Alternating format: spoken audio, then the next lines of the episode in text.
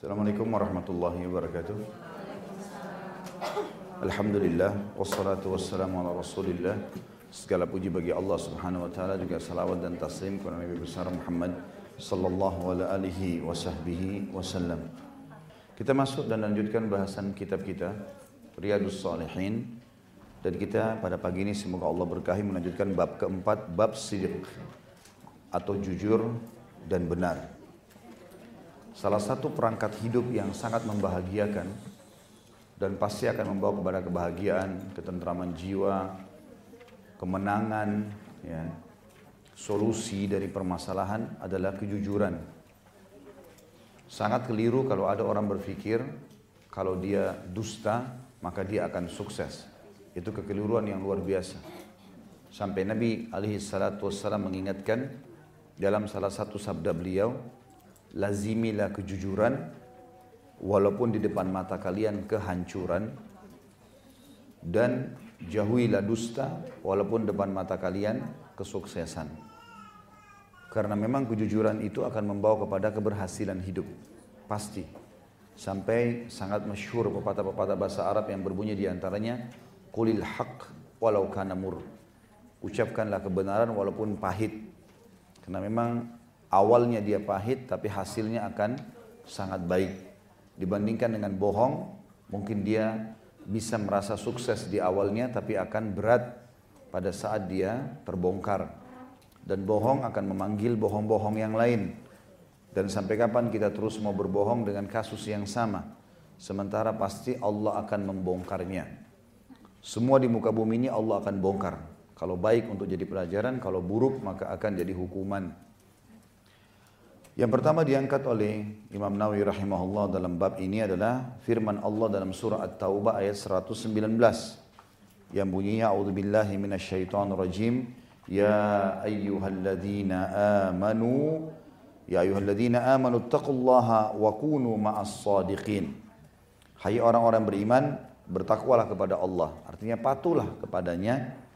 Yang halal nikmati yang haram tinggalkan perintah kerjakan larangan dijauhi dan hendaklah kalian selalu bersama dengan orang-orang yang jujur dan benar. Ya, karena kalau orang jujur, kita selalu nyaman berteman dengannya. Ya, karena kita tahu orang ini berbicara apa adanya. Tapi kalau orang bohong, maka kita sulit untuk memegang mana perkataan dia yang benar, mana yang enggak. Kadang-kadang bahkan saking seringnya bohong, maka dia harus selalu ikuti pernyataannya walaupun hanya sekedar keluar dari kamar mandi, baru habis makan, harus bersumpah nama Allah. Kamu dari mana? Demi Allah saya dari kamar mandi. Demi Allah saya baru makan. Padahal tidak dibutuhkan sebenarnya. Dan kata para ulama salah satu ciri orang yang suka bohong adalah banyak bersumpah. Ya. Kalau orang jujur dia tidak akan banyak bersumpah. Bicara apa adanya. Sumpah hanya dibutuhkan kalau darurat saja. Kalau enggak maka tidak dibutuhkan. Di sini perintah Allah untuk kita menjadi orang jujur dan selalu bersama dengan orang-orang jujur. Jadikan mereka sebagai teman-teman kita. Sangat nyaman kan kita transaksi misalnya di satu lembaga perbankan misalnya. Pada saat kita temukan orang-orangnya jujur, apa adanya, transparansi. Kita nyaman dibandingkan kita ya, bekerja sama dengan orang yang tidak jelas. Tidak ada proposal, tidak ada tanda tangan, tidak ada sesuatu yang jelas. Dan memang ini dilarang oleh Nabi SAW kita bertransaksi dengan sesuatu yang tidak jelas. Samar. Ya. Bahkan dilarang transaksi dengan mula masa. Hanya menyentuh produk selesai. Ya. Harus kita tahu. Ya, ini dilarang dalam Islam karena pentingnya masalah kejujuran. Juga dalam surah Al-Ahzab ayat 35 dalil yang kedua Imam Nawawi sebutkan A'udzubillahi minasyaitonirrajim was-sadiqina was-sadiqat.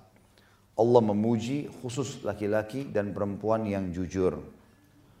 Juga dalam surah Muhammad ayat 21 Allah berfirman, A'udzu billahi minasyaitonir rajim, falau sadaqu falau sadaqullaha lakana khairan lahum.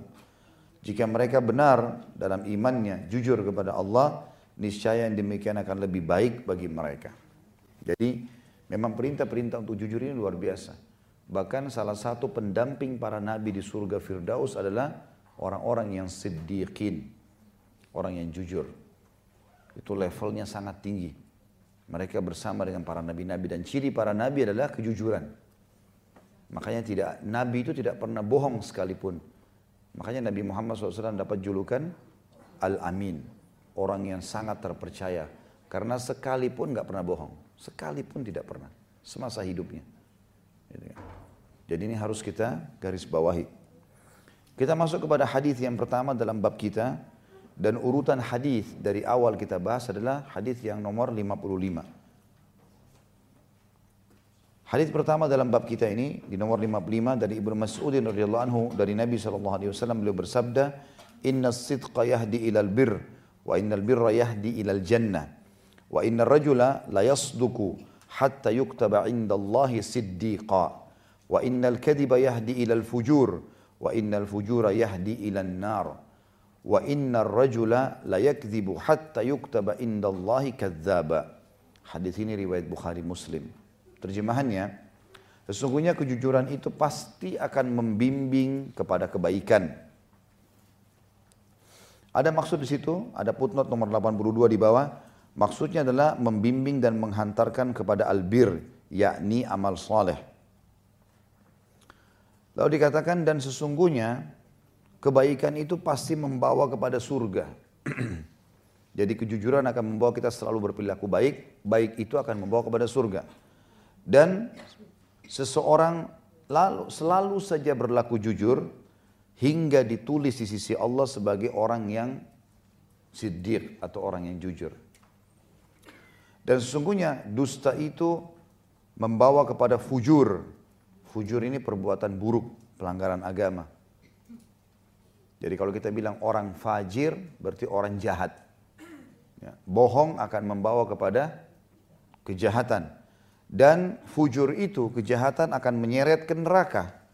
Ketahuilah, sesungguhnya seseorang itu terus saja berbuat dusta hingga ditulis di sisi Allah sebagai pendusta. Kita sekarang masuk ke masalah hikmah dan pelajaran yang bisa diambil dari hadis. Tadi baru terjemahan umum. Yang pertama, Jujur akan membimbing kepada kebaikan. Dan jujur dimulai kata para ulama dari diri sendiri. Jujurlah dengan diri sendiri. Lalu kemudian kita jujur dengan orang-orang terdekat, suami, istri, anak, jujur, apa adanya. Kenapa kamu belum masak ini? Oh iya, saya lupa tadi. Gak masalah. Walaupun kita rasa mungkin itu berat. Kenapa belum belikan saya ini? Oh iya, tadi saya terlupa. Apa adanya. Insya Allah sekarang saya coba. Saya lakukan pasti hasilnya positif saja. Jadi tidak usah kita berwajah dua. Seakan-akan hanya ingin menghibur, hanya ingin menunjukkan, tapi ternyata bohong. Karena pasti kebongkar, nggak mungkin tidak. Tidak ada kebohongan yang tidak terbongkar. Mengkhayal itu kalau saya dia pikir, oh saya hebat, saya bisa bohongin lalu tidak terbongkar, nggak boleh. Pasti terbongkar. Ini harus digarisbawahi. Makanya kejujuran membawa kepada kebaikan. Pasti nanti jadi baik dia. Mulai dari jujur, dari dirinya, kemudian orang-orang terdekat, lalu kemudian kepada seluruh ya, orang yang ada di lingkungan dia. Kemudian potongan yang selanjutnya, kebaikan-kebaikan tadi karena kejujuran, dia akan jujur dengan Allah, dia akan jujur dengan Rasulullah SAW, dia akan jujur dengan kitabullah Al-Quran, dia akan jujur dengan orang tuanya, dengan pasangannya, dengan anak-anaknya. Maka itu akan membawa dia ke surga. Berarti tiket ke surga ini sederhana sekali. Jujur, memudahkan kita beramal soleh, Ya, kata para ulama ini kalau sekarang seperti pelumasnya mobil. Sudah ada kendaraannya untuk masuk surga itu amal soleh. Tapi yang membuat amal soleh bisa bergerak harus ada pelumasnya. Itulah kejujuran. Ya. Potongan yang lain juga, seseorang terus saja jujur. Berarti kita disuruh menjadikan sebagai rutinitas. Nggak boleh sekali saja jujur. Setiap keadaan. Karena bisa saja kali ini Bapak Ibu sekalian kita berhasil menolak syaitan dari bohong kita jujur. Tapi besok kita bohong. Jangan. Jujur setiap saat. Apa pun bisikan syaitan, nanti kamu ketahuan, nanti kamu begini, enggak. Saya tetap jujur. Ya. Dan ini tentu kejujuran kalau dibutuhkan untuk kita sampaikan. Ya. Dan ini akan ditulis di sisi Allah sebagai orang yang jujur. Maksudnya, kalau Bapak Ibu rutinitaskan kejujuran, nanti akhirnya menjadi perangai kita. Allah akan jadikan kita jujur dalam setiap kehidupan kita karena sudah jadi kebiasaan. sudah nggak nyaman kalau nggak jujur. Sebaliknya, kata Nabi SAW, bohong pasti membawa kepada kefajiran. Karena bohong itu berarti menandakan lemahnya jiwa, lemahnya iman, lemahnya fikiran. Kenapa harus bohong? Kenapa nggak jujur? Gitu. Apa adanya selesai, clear, gitu kan?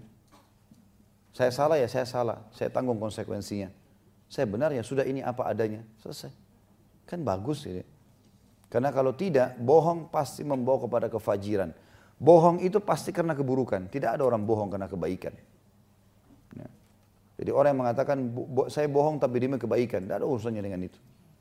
Nanti tentu ada kita jelaskan juga hadis Nabi SAW mengatakan bohong tidak dibolehkan kecuali dalam tiga keadaan. Tapi ini memang keadaan tertentu. Seperti misalnya kata Nabi SAW, ya, memperbaiki keadaan dua orang yang sedang bertengkar, itu lain. Betul-betul kita tahu orang ini lagi ribut, lalu kemudian kita membahasakan. Misal begini, suami istri lagi ribut. Lalu datang kepada saya misalnya, lalu saya mengatakan kepada suaminya, mungkin memang istri anda itu orangnya baik, cuma belum ketahu, belum tahu saja. Mungkin memang dia sering melakukan ini, gitu. padahal saya belum tahu istrinya buat atau enggak nih. Jadi saya coba menarik dia supaya menyangka baik dengan istrinya misalnya. Maka ini ada celah kebohongan. Ya. Karena memberikan isyarat baik itu dengan tubuh, lisan, ya, itu sudah termasuk bisa masuk dalam kebohongan. Misal gini, ada orang tanya, tadi lihat gak ini? Padahal dia tahu nih, dia cuma kasih isyarat badan, sama bohong juga. Isyarat. Tapi di sini kalau dia melakukan itu karena memang dia lihat dia memberikan isyarat di sini tidak masuk dalam masalah bohong kalau memang memperbaiki dua orang. Tapi tidak boleh dia bohong di sini dia mengatakan misalnya dia sebenarnya begini dan begitu. Padahal sebenarnya bukan. Dia cuma mengatakan, mungkin orangnya begini, mungkin dia sudah lakukan ini. Jadi dia coba menarik kepada sangka baik. Ya. Atau peperangan. Kalau kita ditangkap oleh musuh ditanya, berapa jumlah umat Islam? Banyak. Padahal jumlah umat Islam sedikit dalam kasus pasukan perang misalnya. Atau bercandanya suami istri. Itu pun bercanda. Dalam pujian. Sekarang istri saya masa asin. Enak gak? Enak. Tapi asin. sebenarnya kalau yang enak sebenarnya tidak asin kan gitu. Tapi seperti itulah. Istrinya lagi cuci baju keringatan, pulang. Lalu suami bilang, Masya Allah cantik sekali. Padahal lagi kecutnya luar biasa. Atau mungkin suami pulang kerja, mau dekatin ibu, ibu sudah wangi. Ibu bilang, Masya Allah, belum mandi aja sudah ganteng. Gitu. Apalagi kalau sudah mandi, maka dia pergi mandi akhirnya kan gitu. Padahal sebenarnya tadi kita lihat ini luar biasa debunya banyak ini ya. Itu namanya bercanda, orang bercanda. Atau misalnya suami mengatakan, saya belum pernah melihat wanita secantik kamu. Istrinya dibilang. Padahal banyak wanita lebih cantik dari istrinya. Tapi di sini bab itu ya. Ini tidak masuk di dalamnya orang yang sengaja bilang sama suami itu sama istrinya, saya nggak ke sana, saya nggak ke sini, padahal dia bohong. Itu nggak boleh. Bukan itu yang dimaksud. Ya. Nanti seorang wanita bisa bilang sama temannya, kalau suami saya telepon bilang saya sama kamu ya. Padahal dia pergi ke tempat lain ini. Nggak benar. Suaminya atau ini sahabatnya, ada nggak istri saya? Oh ada. Mana lagi di kamar mandi? Bohong semua ini. Istrinya bohong, ini temannya bohong. Gitu kan. Semua kena hukuman ini. Dan semua perbuatan haram dalam agama pasti ada hukumannya. Maka jangan mengkhayal kalau kita buat dosa lalu kemudian kita tidak dihukum sama Allah. Ada hukuman. Ya, Allah akan datangkan. Nanti kita kalau kena hukuman lalu kita mengatakan, kenapa ya? Kok bisa ya? Ya ini masalahnya dosa-dosa yang kita lakukan. Kok saya lagi jalan baik-baik, nggak ada apa-apa, sepatunya bagus, jalannya rata, keseleo tiba-tiba. Kok bisa ya? Ya tanya diri sendiri, kok bisa bohong waktu itu? Ya. Jadi akan datang hukumannya gitu kan? Nggak boleh. Jadi yang dimaksud di sini adalah bercandanya dia dalam pujian, gitu kan? Maka itu boleh-boleh saja, gitu kan? Ada jelas orang ganteng sekali. Tahu dia bilang sama suaminya, tapi kau lebih ganteng kok dari dia. Padahal mana antara langit dan bumi gitu. tapi untuk membesarkan suaminya. Ya, itu kan dia membesarkan jiwa suaminya, tapi dalam masalah itu ya, bercandanya dia di bab itu saja. Nggak benar orang selingkuh lalu dia bohong. Itu nggak ada dalam Islam. Tetap dihukum tuh. Jadi harus difahami di sini.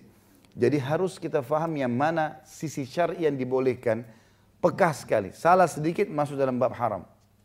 Ya, jadi tidak boleh kita buka ke situ. Dan sekali kita buka bab dusta, maka kita akan terus terjerumus dalam keburukan dan kalau kita sudah buka menjadi sebuah kebiasaan, Allah akan catat kita menjadi pendusta. Artinya kata ulama hadis jadi kebiasaan dusta udah. Sudah tidak sudah tidak ada hari yang berlalu tanpa dusta. Dan ini masalah ini. Nanti dia untuk memperbaiki pun butuh ekstra waktu, ekstra energi, ya, ekstra pengorbanan baru bisa. Maka jadilah orang yang jujur. Gitu ya. Hadis selanjutnya, hadis 56 dari Abu Muhammad Al Hasan bin Ali bin Abu Talib radhiyallahu anhu. Ini tentu dari cucu Nabi SAW Hasan radhiyallahu anhu Beliau berkata, radhiyallahu anhu ajma'in ya, Aku hafal dari Rasulullah SAW, Da' ma yaribuka ila ma la yaribuk, fa inna sidqa tuma'ninah, wal kadiba ribah. Hadis ini riwayat Trimidi dan beliau menyatakan hadis ini adalah hadis yang sahih. Ini wasiat ringkas padat. Jadikan prinsip hidup. Kata Nabi SAW, tinggalkan apa yang meragukanmu kepada apa yang tidak meragukanmu. Boleh nggak ya hukumnya? Udah, selesai. Tinggalkan aja. Syubhat, jauhi. Jangan lakukan. Ini saya bisa bahaya atau enggak ya? Lebih dominan. Ada sedikit bahaya. Sudah saya nggak mau. Cari amannya aja. Selalu cari aman. Gitu kan. Karena sesungguhnya kejujuran adalah ketenangan jiwa. Kita ragu sedikit, kayaknya kalau saya lakukan ini ada kemungkinan saya dinilai buruk. Enggak, enggak usah masuk di sana. Sudah selesai, tinggalkan cari tempat aman. Kejujuran adalah ketenangan jiwa dan kedustaan adalah keragu-raguan. Orang kalau jujur ditanya apa pun langsung aja dia lantang jawab selesai. Jujur apa adanya. Kamu dari mana? Saya dari sini. Kamu dari saya dari sini. Kalau orang bohong pasti keragu-ragu. Kita bisa lihat dari penataan bahasanya. Ya. Jadi di sini saksi bahasan kita kejujuran adalah ketenangan jiwa. Dikatakan di situ, ya ribuka, di situ ada ditulis ya, yaknya di fathah atau di dhammah yaribuka atau yaribaka. Makna hadis ini tinggalkanlah apa yang kamu ragukan kehalalannya dan beralihlah kepada sesuatu yang kamu tidak meragukan kehalalannya. Pergaulan kah pendapatan kah udah kita ragu jangan dilakukan. Selesai. Seorang muslim apa yang kelihatan di wajahnya apa yang dia ucapkan itu dalam hatinya. Gak pernah bermuka dua. Orang berwajah dua itu cuma orang munafik. Yang Allah mengatakan dalam Al-Quran, Muzabzabina baina dzalika la ilaha ula wa la ilaha ula. Orang munafik itu muzabzab, tidak jelas, pelimplang hidupnya. Tidak ke sini, tidak ke sana. Ya. Nah ini semua karena kebohongan yang ada. Hadis 57 dari Abu Sufyan Sakhri bin Harb radhiyallahu anhu dalam sebuah hadis yang panjang tentang kisah Kaisar Heraklius.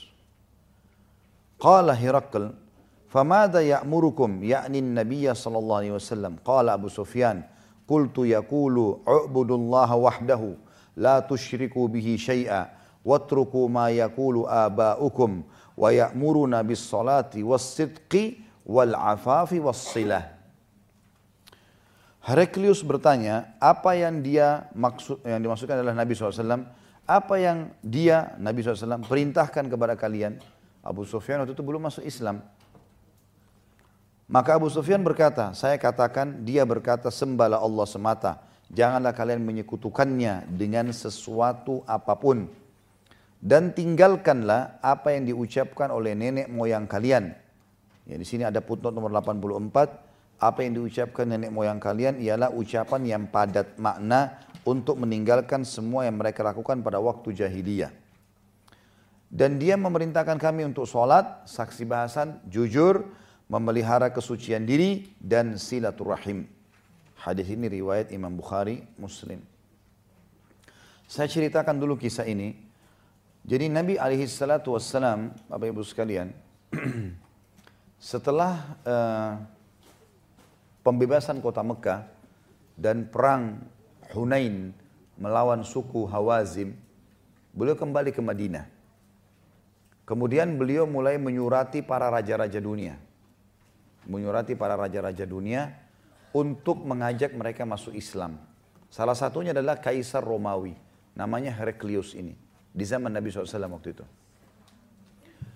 Waktu Nabi SAW utus orang ke sana membawa surat mengajak Heraklius masuk Islam, rupanya Herakl ini, kalau dalam bahasa Arab Herakl ya, Heraklius ini dia e, sebagaimana diceritakan dalam surah Ar-Rum, surah nomor 30.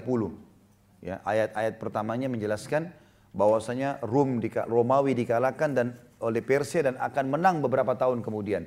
Heraklius sempat bersumpah kalau dia berhasil menang melawan Persia, maka dia akan jalan kaki haji menuju ke Palestina. Karena waktu itu mereka anggap hajinya itu ke Masjid Aqsa, gitu kan. Maka dia bersumpah waktu itu, kan. Begitu dia menang, dia pergi ke betul-betul jalan kaki ke Palestina, Masjid Aqsa. Waktu dia tidur, dia habis ibadah di Masjid Aqsa, dia tertidur, dia mimpi. Kerajaannya hancur. Heraklius ini mimpi kerajaannya hancur. Padahal pasukannya baru menang. Kekuatan baru menguasai wilayah. Kok bisa? Dia panggil penasihatnya. Ini apa artinya nih? Maka mereka bilang tak tahu apa artinya takwil mimpi. Ada satu orang akhirnya bilang, saya tahu Raja. Berarti akan ada uh, pasukan yang akan mengalahkan kerajaan anda. Kebetulan Heraklius ini mimpi yang mengalahkan, jadi kerajaannya hancur dan yang mengalahkan mereka adalah orang yang bersunat. Dalam mimpinya begitu. Maka dia tanya, apa makna mimpi ini? Mereka tidak jawab. Ada satu orang nyaut. Ini berarti kerajaan anda akan dikalahkan dan akan dikalahkan oleh pasukan yang bersunat. Kata Heraklius, siapa yang sunat? Maka mereka tahu waktu itu orang Yahudi yang sunat. Maka kata Heraklius, sekarang saya akan hancurkan Yahudi semuanya. Bunuh semua Yahudi. Supaya jangan kerajaannya hancur gitu maksudnya. Rupanya, mulailah pasukan Romawi keliling di jalan-jalan, tangkap-tangkapin orang Yahudi. Gitu kan. Rupanya salah satu yang ditangkap, ada satu orang ditangkap dari orang Arab. Ditangkap, dikira Yahudi. Waktu ditanya, kamu Yahudi? Dia bilang, bukan. Kamu dari mana? Dari Jazirah Arab. Diperiksa, sunat orang ini. Begitu kisahnya. Maka ketahuan, karena Heraklius tahu takut kerajaannya hancur. Lalu dia bilang sama pasukannya, kayaknya bukan cuma Yahudi yang sunat nih. Ada orang Arab juga nih. Gitu kan? Coba siapa pun orang Arab yang ada di negeri Syam sekarang, di Palestina, tangkap bawa ke saya. Kebetulan kafilahnya Abu Sufyan lewat dari Mekah. Waktu itu Abu Sufyan tidak masuk Islam, masih dalam keadaan kafir. Dia lagi jalan. Ditangkaplah oleh pasukan Romawi dibawa ke ke kemahnya Heraklius ini gitu. Waktu itu kan Heraklius mengatakan, duduk kamu di depan, Abu Sufyan disuruh duduk. Di belakangnya semua sukunya dari Quraisy. Lalu kata Heraklius, kalau dia bohong, bilang kalian, bilang bohong. Kalau enggak, saya akan penggal leher kalian semua. Tentu Abu Sufyan sama orang-orang Quraisy itu pasukan kecil. Melawan Romawi yang menguasai dunia waktu itu tidak mungkin gitu kan. Maka kata Abu Sufyan, demi Allah walaupun saya bohong, tentu orang suku saya tidak mengatakan saya bohong. Mereka tahu saya pimpinan mereka. Waktu itu kebetulan Abu Sufyan seperti Raja Mekah lah gitu ya. Maka mulailah Herakl bertanya, saya dengar di wilayah kalian, di Jazirah Arab ada seorang nabi keluar. Benar nggak? Benar. Baik, bagaimana dia dengan jalur nasabnya? Apakah dia orang biasa? Tidak dikenal jalur nasabnya? Bilang tidak. Abu Sufyan bilang, dia adalah uh, orang yang terkenal nasabnya di sisi kami. Jadi ayahnya, kakeknya, segala macam ini kami tahu siapa. Orang yang suci jalur nasabnya. Baik. Bagaimana uh, dakwanya? Apa yang dia panggil? Maka disebutkanlah hadis ini. Dia mengajak kami untuk tidak menyujudkan Allah, kami disuruh sholat, kami disuruh jujur, kami disuruh silaturahim. Lalu kemudian yang beriman kepadanya, orang miskin dan susah atau orang kaya kah? Kata Abu Sufyan, orang miskin. Banyak orang miskin yang beriman. Memang fase Mekah orang miskin, gitu kan? Lalu kemudian ditanya lagi oleh Heraklius ini. Apa yang kalian lakukan? Ditanya, kamu sudah beriman? Dia bilang belum. Apa yang kamu lakukan? Dia bilang kami memeranginya. Apa yang terjadi? Kata Abu Sufyan, Sekali mereka menang, sekali kami kalah, sekali kami menang. Maksudnya di perang Badar, muslimin menang. Di perang Uhud, Quraisy menang.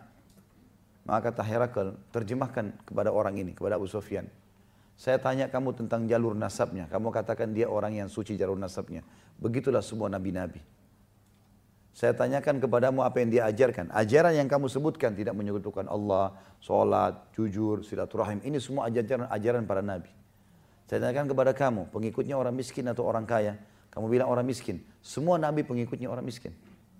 Awalnya pasti orang miskin, orang susah. Karena orang susah itu lebih mudah didakwahi.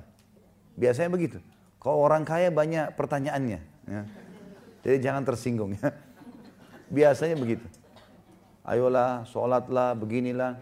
Nanti aja nggak apa-apa. Ya. merasa dirinya semua ada. Kalau orang miskin disuruh apa? Oh iya sudah. Karena nggak ada fasilitasnya. Ya, seperti itulah.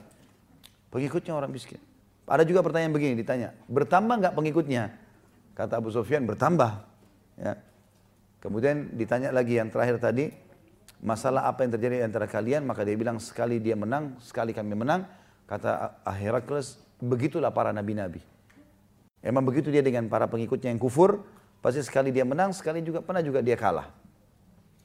Ketahuilah, kalau yang kau ucapkan itu benar, Nabi itu akan menguasai kerajaanku ini. Kata Heraklus, akan menguasai kerajaanku ini.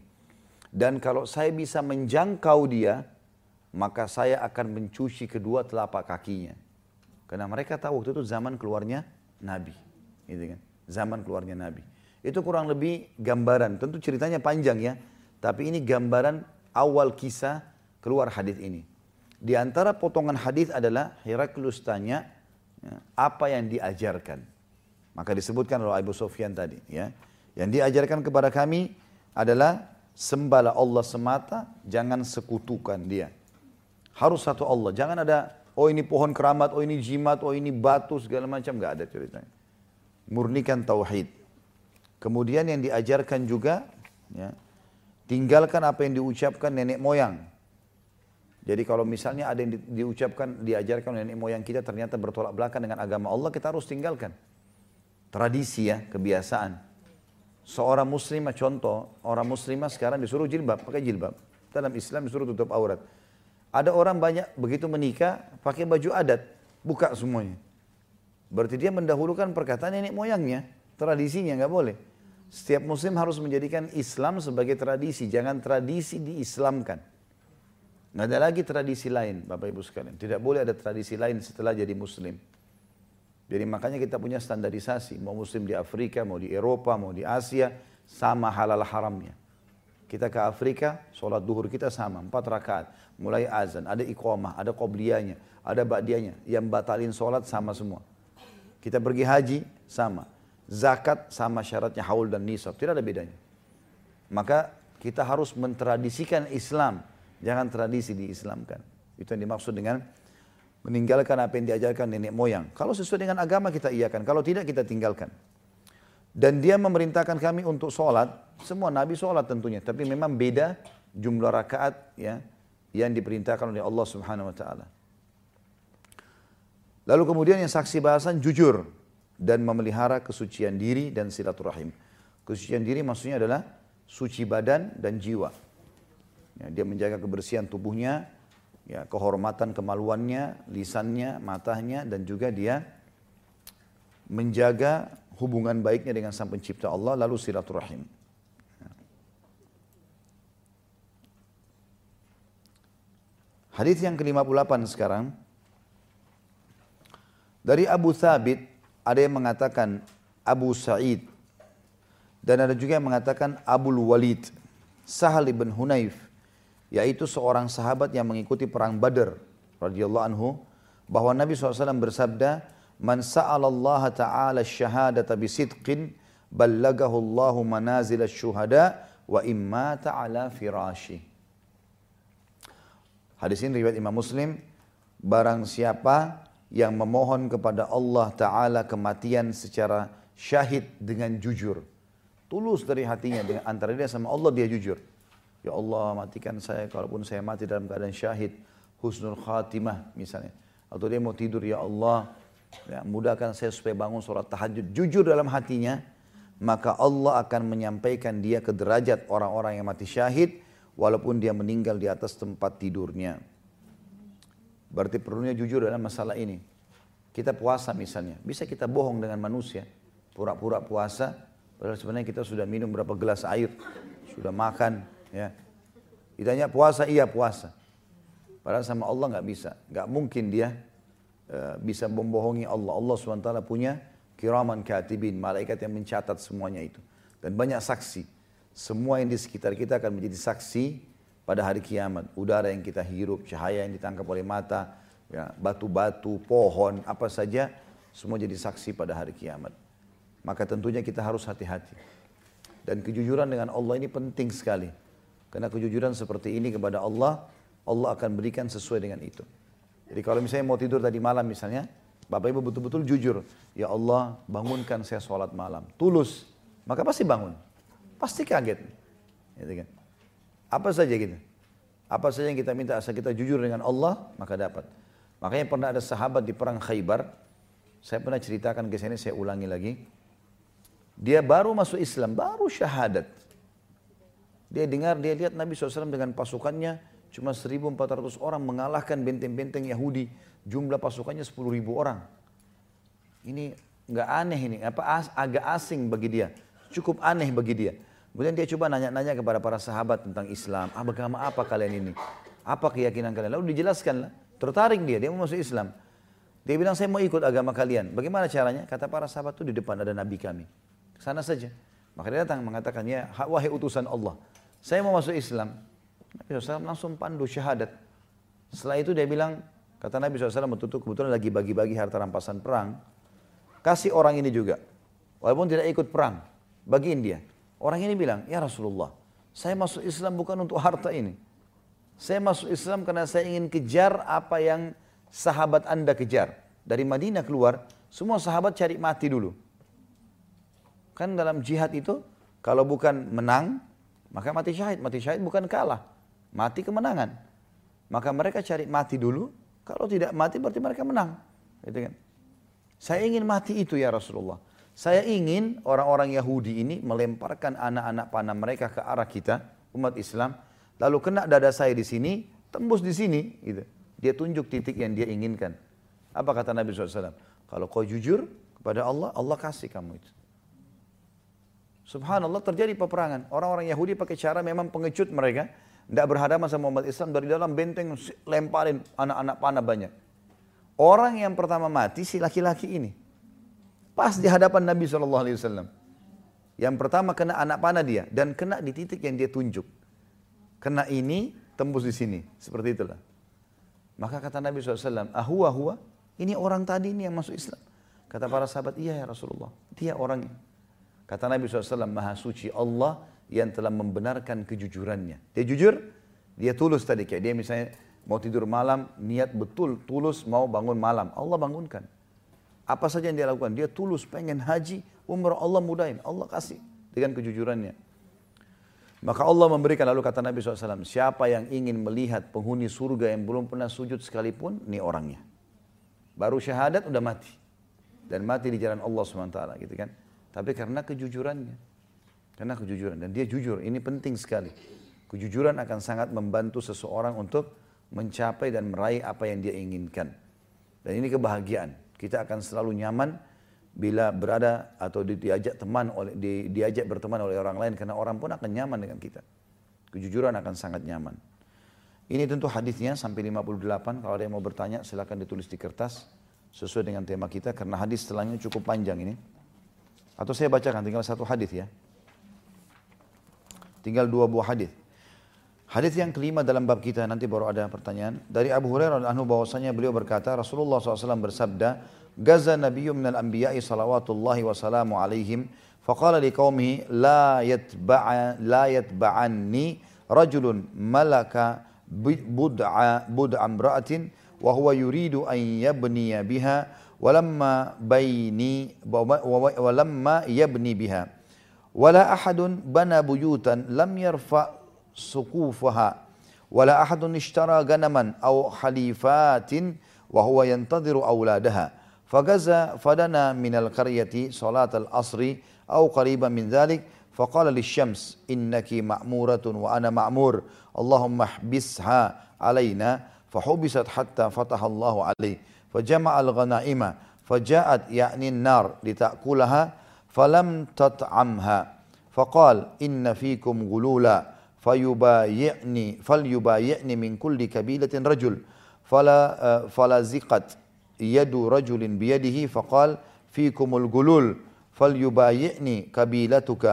فلا فلزقت يد رجلين أو ثلاثة بيده فقال فيكم الغلول فجاءوا برأس برأس مثل رأس بقرة من الذهب ووضعها فجاءت النار فأكلتها. فلم تحل الغنائم لأحد قبلنا ثم أحل الله لنا الغنائم لما رأى ضعفنا وعجزنا فأحلها لنا seorang nabi dari nabi-nabi sebelum kalian sebelum beliau Nabi SAW semoga salawat dan salam Allah tercurah kepada mereka pernah berperang. Sebagian ulama mengatakan ini adalah Nabi Yusha tapi ini ijtihad. Yang jelas satu nabi-nabi Allah dari Bani Israel. Maka dia berkata kepada kaumnya, jangan sekali-kali mengikutiku berjihad seorang laki-laki yang telah menikahi seorang wanita, sedangkan dia masih ingin menikmati malam pertamanya dengannya dan belum menikmatinya. Kalau ada sekarang yang ikut di medan perang ini di pasukan ada orang yang baru nikah, dia baru mau gauli istrinya di malam pertama, jangan ikut jihad. Nanti nggak ikhlas. Ya. Jangan juga seorang laki-laki yang telah membangun rumah dan belum menegakkan atapnya. Ini tentu peraturan Nabi itu ya di zaman itu. Syariatnya beda dengan syariat kita. Ya, karena dalam syariat Islam nanti saya jelaskan ada kisah Handalah radhiyallahu anhu yang baru menikah kemudian mati syahid. Ada kalau ada orang juga di antara kalian lagi bangun rumah dan dia lagi nunggu penyelesaiannya, masih tahap pembangunan belum menutup atapnya sehingga keluarganya nggak jelas tinggal di mana, maka jangan ikut jihad. Dan seseorang yang telah membeli kambing atau unta-unta yang sedang hamil, sedangkan dia menunggu kelahiran anak-anaknya. Jadi kalau ada yang uh, untanya lagi hamil, kambingnya lagi hamil dan dia tahu ini sebentar lagi melahirkan, ya, biasanya itu dianggap harta pada saat itu ya. Maka jangan dia ikut jihad. Nah, jangan sampai dia kefikiran masalah itu. Maka dia pun si Nabi itu berangkat untuk berperang. Lalu dia tiba dekat perkampungan musuh di waktu akhir sholat asar. Sudah mau terbenam matahari. Atau dekat dari waktu itu. Maka Nabi itu bersabda atau berkata kepada matahari. Sesungguhnya engkau diperintahkan untuk tenggelam. Dan aku juga diperintahkan uh, uh, apa namanya untuk menaklukkan kampung tersebut di waktu siang. Ya Allah, tahanlah matahari itu untuk kami. Maka matahari matahari itu pun ditahan hingga Allah memberikan kemenangan kepadanya. Dalam riwayat lain kata Nabi SAW, sesungguhnya matahari tidak pernah ditahan kecuali untuk Yusha. Ini Nabi ini ya. ya. Yusha bin Nun, ini salah satu Nabi Bani Israel. Tidak pernah ditahan matahari kecuali buat dia. Jadi selama ini Matahari selalu terbenam on, on time, tapi pada saat itu tidak. Allah SWT panjangkan. Maka matahari pun ditahan oleh Allah hingga Allah memberikan kemenangan kepadanya. Dia pun mengumpulkan harta rampasan perang, ghanimah. Kemudian datanglah api untuk melalapnya. Namun ternyata api itu tidak memakannya. Nanti saya jelaskan ini ya.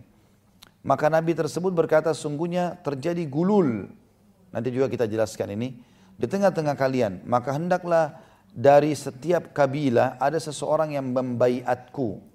Maka menempellah tangan seseorang dengan tangan Nabi itu. Maka Nabi itu berkata, di tengah-tengah kalian ada gulul. Maka hendaklah kabilahmu membaiatku. Maka melekatlah tangan dua atau tiga orang dengan tangannya. Maka dia pun berkata pada diri kalian ada gulul. Maka mereka pun datang dengan membawa sebuah kepala mirip kepala sapi dari emas. Dia meletakkannya maka datanglah api dan melalapnya. Ghanima tidak halal bagi siapa pun sebelum kita, kemudian Allah menghalalkan ghanima bagi kita, tak kala dia melihat kelemahan dan ketidakmampuan kita, dia pun menghalalkannya untuk kita. Hadis ini kita bagi-bagi ya pemahamannya seperti biasa. Potongan yang pertama, paragraf pertama menjelaskan tentang adanya nabi sebelum Nabi Muhammad sallallahu alaihi wasallam. Sudah saya sebutkan tadi namanya Yusha bin Nun ya. Ini adalah nabi dari Bani Israel setelah Nabi Musa alaihi alaihi wassalatu wassalam. Kemudian dalam syariatnya Nabi Musa alaihissalam waktu itu yang dibawa oleh Nabi Yusha ini, syariat Nabi Musa alaihissalam, dia kalau mau jihad tidak boleh ikut orang yang baru menikah. Tapi dalam syariat Nabi Muhammad SAW sudah terhapus ini. Terbukti ada cerita Handalah radhiyallahu anhu. Handalah ini menikah hari Jumat. Hari Sabtu ada jihad perang Uhud. Tapi Handalah sempat menggauli istrinya. Dia malam pertama, dia tidak menggauli istrinya sampai subuh. Setelah sholat subuh pulang dari masjid, dia menggauli istrinya dan dia dalam keadaan junub, lalu dipanggilkanlah jihad, dikembangkan jihad. Jadi dalam keadaan junub dia ikut perang. Dia ikut perang, karena tidak ada waktu, dia tidak sempat mandi. Sekarang jihad sudah harus, pasukan Quraisy sudah tiba di wilayah Uhud. Maka dia pun ikut jihad, lalu dia mati terbunuh syahid. Lalu Nabi SAW waktu menyusun, menyusun jenazah sahabatnya, pas jenazahnya Yusha, Nabi SAW pun mengalihkan matanya. Lalu bertanya para sahabat, kenapa ya Rasulullah? Kenapa anda alihkan dari orang ini? Dari Handalah. Kata Nabi SAW, saya lihat istrinya dari bidadari yang menjemputnya. Diperlihatkan. Riwayat lain, saya diperlihatkan malaikat yang memandikan dia junub. Nah berarti kan dalam syariat Nabi SAW tidak pasang, tidak masalah. Orang baru nikah pun dia ikut jihad boleh. Dan tidak semua syariat orang sebelum kita ditarik kepada kita. Ada yang dihapus. Seperti juga dalam syariat Nabi Musa AS, kalau orang berbuat dosa besar, kalau mau taubat itu bunuh diri. Ya. Kalau misalnya di zaman Nabi Musa dulu, kalau ada orang zina, dia mau taubat nih, bunuh diri taubat. Itu yang Allah sebutkan dalam surah Al-Baqarah. Faktulu anfusakum. Kata Musa AS, bunuh diri kalian. Tapi kita tidak sekarang begitu kan. Allah ringankan buat kita. Cara taubatnya cukup, sesali, tinggalkan, janji sama Allah tidak ulangi, maka selesai. Contoh saja ya. Jadi ini syariat orang sebelum kita. Tidak boleh juga laki-laki yang membangun rumah yang belum menegakkan atapnya, maksudnya belum selesai rumahnya. Sementara dia berperan di situ. Dan ini kata para ulama hadis bukan berarti orang yang lagi bangun rumah lalu duitnya habis. Dia lagi cari duit untuk bisa bangun. Enggak, memang orang lagi proses pembangunan, lagi mengawasi bangunan. Dan dia tahu ini akan selesai. Dia takut kalau ditinggalkan malah nanti berantakan bangunan. Nah ini dalam syariat beliau juga tidak boleh dan seseorang yang telah membeli kambing dan unta bunting ya atau lagi hamil sedangkan dia menunggu kelahiran anak-anaknya. Karena memang di zaman dulu uh, kambing sama unta ini harta yang mahal ya. Harta yang mahal. Maka dianggap dengan melahirnya anak-anak kambing atau anak untanya ini berarti bertambah hartanya. Biasanya orang kefikiran. Ini potongan yang pertama dari hadis. Potongan yang kedua adalah potongan yang menyebutkan tadi tentang matahari tertahan. Dan ini memang sesuai dengan apa yang telah disampaikan dalam hadis ini. Memang betul-betul apa adanya. Allah subhanahu wa ta'ala menahan terbenamnya matahari untuk Yusha bin Nun alaihi salatu wassalam. Dan kata Nabi SAW, Allah tidak pernah melambatkan terbenam matahari kecuali untuk satu orang ini. Dan di sini kalimat dia membuktikan bahwasanya juga matahari adalah makhluk. Dia mengatakan, hai matahari kau diperintahkan untuk terbenam, tapi aku diperintahkan juga untuk menaklukkan oleh Allah negeri ini sebelum terbenam matahari. Memang perintah Allah, Yusha, kamu harus taklukkan negeri itu sebelum terbenam matahari. Maka memohon kepada Allah, dia mohon, ya Allah terlambatkanlah matahari ini, maka matahari pun terlambat untuk terbenam. Dan ini kuasa Allah SWT. Karena kan matahari pun walaupun bagi kita sudah rutinitas terbenamnya, tapi bukan mustahil di mata Allah Subhanahu wa taala kalau diubah. Potongan selanjutnya adalah masalah ghanimah. Ghanimah ini adalah harta rampasan perang kalau orang Islam melawan orang kafir, kemudian menang, kita menang, maka semua yang ada di pasukan itu menjadi ghanimah kita. Seperti mobil tank, misalnya pesawat tempur, peluru-peluru, senjata. Bahkan prajurit-prajurit perangnya pun menjadi ghanimah. Gitu kan? Jadi tawanan perang. Itu dibagikan kepada pasukan. Gitu kan? Nah ini hanya halal buat kita. Buat umat, umat Muhammad SAW. Umat sebelum kita nggak halal. Jadi kalau pasukan nabi-nabi dulu menang, maka ganimanya dikumpulin sampai bertumpuk seperti gunung. Lalu kemudian dia berdoa, Allah datangkan petir atau api dari langit menyambarnya. Memang begitu kejadian dulu, gitu kan? Itu yang dimaksud di sini api melalapnya, gitu kan? Tapi ada kejadian di pasukannya Nabi Yusha ini. Apa yang terjadi? Waktu sudah ditumpulin semua ganimah, dia berdoa, nggak datang-datang api. Nggak datang petir membakar ghanimah tersebut. Gitu kan? Maka dia bilang, di, di kalian ada gulul. Gulul itu maksudnya pengkhianat. Ada pengkhianat nih. Ada yang mengambil ghanimah disembunyiin sama dia. Gara-gara dia sembunyiin jadi nggak bisa terbakar nih. Maka semua suku, kabilah suku, semua suku utus satu orang. Bayat saya, bayat tadi salaman nama saya. Bilang, saya tidak gulul, saya tidak berkhianat. Bilang begitu. Rupanya dari sekian ke, uh, utusan suku-suku ini, karena setiap suku satu orang saja utusannya. Waktu salaman, bayat, saya tidak mengambilnya, suku saya pun tidak. Kalau dia lepas tangannya dan terlepas tidak melengket di tangannya Nabi Yusha, berarti dia tidak berkhianat betul. Rupanya dari sekian banyak kabilah, ada satu orang yang melengket tangannya. Gak bisa lepas dari tangan Nabi Yusha. Nabi Yusha bilang, di kalian ada pengkhianat. Panggil sukumu semuanya. Panggil sukunya. Masing-masing satu-satu dibayat untuk tahu siapa pencurinya. Rupanya waktu salaman, salaman, salaman ternyata dari semua suku tersebut, tidak disebutkan jumlahnya, ada tiga orang yang melengket tangannya dengan Nabi Yusha. Nggak bisa lepas. Gitu kan. Maka Nabi Yusha mengatakan, di antara kalian tiga ada pengkhianat. Maka akhirnya mengakulah. Tiga orang ini rupanya saling sepakat, ini nanti kita sembunyiin. Gitu kan. Kalau kita pulang bagi tiga, gitu. Seperti itulah. Maka didapatlah ternyata ada bongkahan emas seperti kepala sapi, didatangkan lalu ditaruh digabungin dengan ganimah tersebut maka disambarlah dengan api dari langit. Maka ini pelajaran tentunya. Closing hadis ini penting penutupannya. Apa kata Nabi SAW? Sesungguhnya ganimah haram buat orang-orang sebelum kita. Tapi dihalalkan untuk kita. Ya, jadi kita sekarang sudah boleh kalau sekarang kita menang peperangan, kita nggak perlu datangkan pedangnya musuh, perisainya, senjatanya, lalu kita bakar. Nggak, nggak usah. Boleh dibagi, nggak ada masalah. Halal buat kaum muslimin. Kan gitu. Tapi saksi bahasan dalam masalah hadis ini adalah adanya orang yang bohong. Lalu Allah bongkar. Gitu kan. Karena dia tidak jujur. Dan ini pelajaran penting. Kalau bapak ibu berbohong lalu menghayal tidak ketahuan, itu menghayal. Itu berarti sudah tidak benar. Pasti kebongkar. Ya. Mana kira-kira kebohongan kita yang pernah kita bohong lalu Allah tidak bongkar? Coba Bapak Ibu renungin sendiri. Kuasa Allah, bukan hari ini, minggu depan, bulan depan, kebongkar satu waktu. Ada orang bahkan bertahun-tahun baru kebongkar. Tapi kalau makin lama dipelihara, ya, seperti kotoran dosa itu, dia akan makin membusuk, ya, dan makin berat hukumannya nantinya. Makanya lebih baik jujur. Katakan apa adanya selesai. Hari itu memang kita agak berat, tapi clear kita bisa tidur tenang. Tapi kalau kita bohong susah. Dan orang bohong subhanallah misal dia bohong dengan angka 100 ribu misalnya. Atau sejuta. Setiap kali dia dengar ucapan itu sejuta, dia langsung ketakutan sendiri. Setiap ada orang cerita nota, dia ingat nota palsu yang dia buat. Ketakutan sendiri. Setiap kali dia dengar selingkuh, dia langsung ingat. Dia langsung kebayang. Padahal sebenarnya bukan dia yang sedang dituju, tapi hidupnya nggak tenang. Makanya tadi hadis sebelumnya dikatakan kejujuran adalah ketenangan jiwa. Hadis terakhir nomor 60 di sini dari Abu Khalid Hakim bin Hizam radhiyallahu anhu beliau berkata, Rasulullah SAW bersabda al-bai'ani bil khiyari ma lam yatafarraqa fa in sadaqa wa bayyana burika lahuma fi bai'ihima wa in katama wa kadaba muhikat barakatu bai'ihima.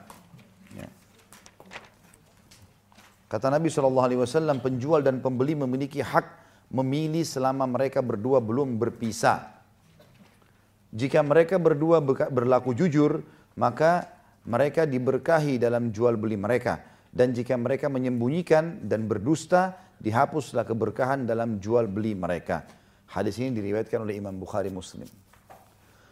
Makna hadis ini, Bapak Ibu sekalian, adalah kejujuran akan mendatangkan keberkahan transaksi. Namun sebelumnya maaf, potongan pertama dari hadis dulu, dua orang transaksi dalam khiar selama mereka belum berpisah. Maksudnya gini, kalau Bapak Ibu lagi transaksi dengan satu toko, satu orang, selama kita belum berpisah, maka berarti masih bisa batalin transaksi. Tapi kalau sudah pisah, nggak boleh lagi. Kalau Bapak Ibu sudah bawa barang pulang ke rumah, ya sudah risikonya. Kenapa nggak cek tadi? Ada satu keadaan ulama mengatakan terbuka pintu boleh dia kembalikan kalau ada akad kesepakatan. Kalau dibawa pulang rusak boleh ditukar, nah itu lain. Tapi kalau nggak ada, ibu beli jilbab, ibu beli baju, ya, bapak-bapak beli pakaian, bawa pulang ke rumah. Terus ternyata ada sobek, kenapa nggak dicek tadi? Ya, ini harusnya kita terima. Jadi mereka dalam khiar masih boleh membatalkan atau melanjutkan transaksi kalau belum berpisah. Makanya tadi saya bilang juga sempat saya singgung tidak boleh transaksi mula masa. Hanya sekedar nyentuh barang, hanya sekedar ya itulah saya mau yang itu misalnya tanpa tahu ya. Ada juga satu celah kata para ulama, kalau barang itu sudah sangat masyhur dan hampir setiap hari dipakai oleh manusia, kayak sampo, sabun, ya.